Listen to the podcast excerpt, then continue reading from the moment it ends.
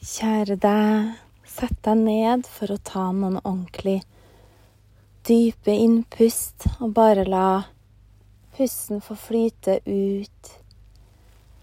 Og gi slipp på stress, spenninger, alt du ikke trenger. La ansiktet mykes opp.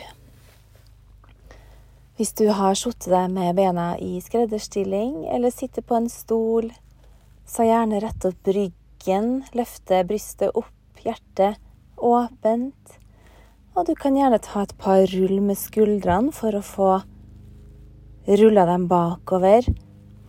Men så bare slapp av. Så det skal ikke være noe sånn anstrengt posisjon, men samtidig heller ikke at man bare faller helt sammen. Så det å finne den derre balansen mellom støtte og det å holde posisjonen, men også på en slags myk måte. Og jeg tenker jo det symboliserer jo også mye av livet, det å finne den balansen mellom det harde og det myke.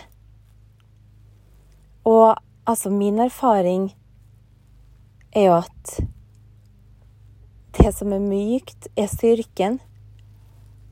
Ofte har jo det med mykhet blitt sett på som en svakhet, men i hvert fall i forhold til alle de menneskene jeg har blitt kjent med, dem som er mykest og snillest, det er også dem som er sterkest.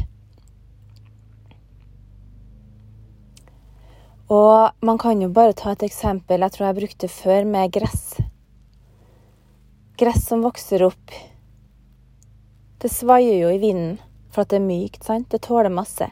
Er det en et tre, f.eks., og det er veldig sterk vind, så det er større sjanse for at det treet knekker, enn at gresstrået knekker.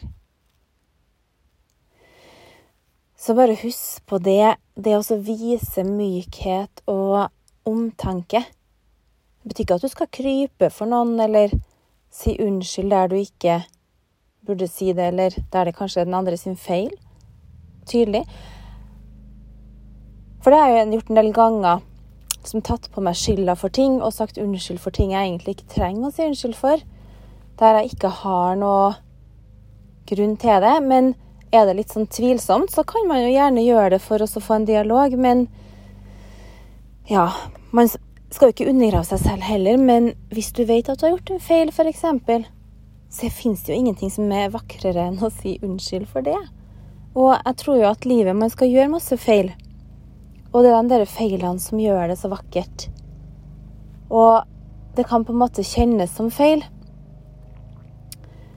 Eh, og så trenger det ikke å bli det likevel. Det kan føles som en skikkelig bommert og en flause. Og en stor feil av en annen verden, men så innser man jo etter hvert, kanskje, at det var akkurat den tingen som brakte deg på riktig vei. Så det er derfor jeg tenker at ikke vær så redd for å gjøre feil. Altså, tro meg, kjære deg. Jeg har gjort masse. Og det er fordi at jeg har turt, meg, turt å hive meg ut i ting. Tatt sjanser. Vært litt frempå. Men jeg ville ikke ha vært den eneste feil foruten.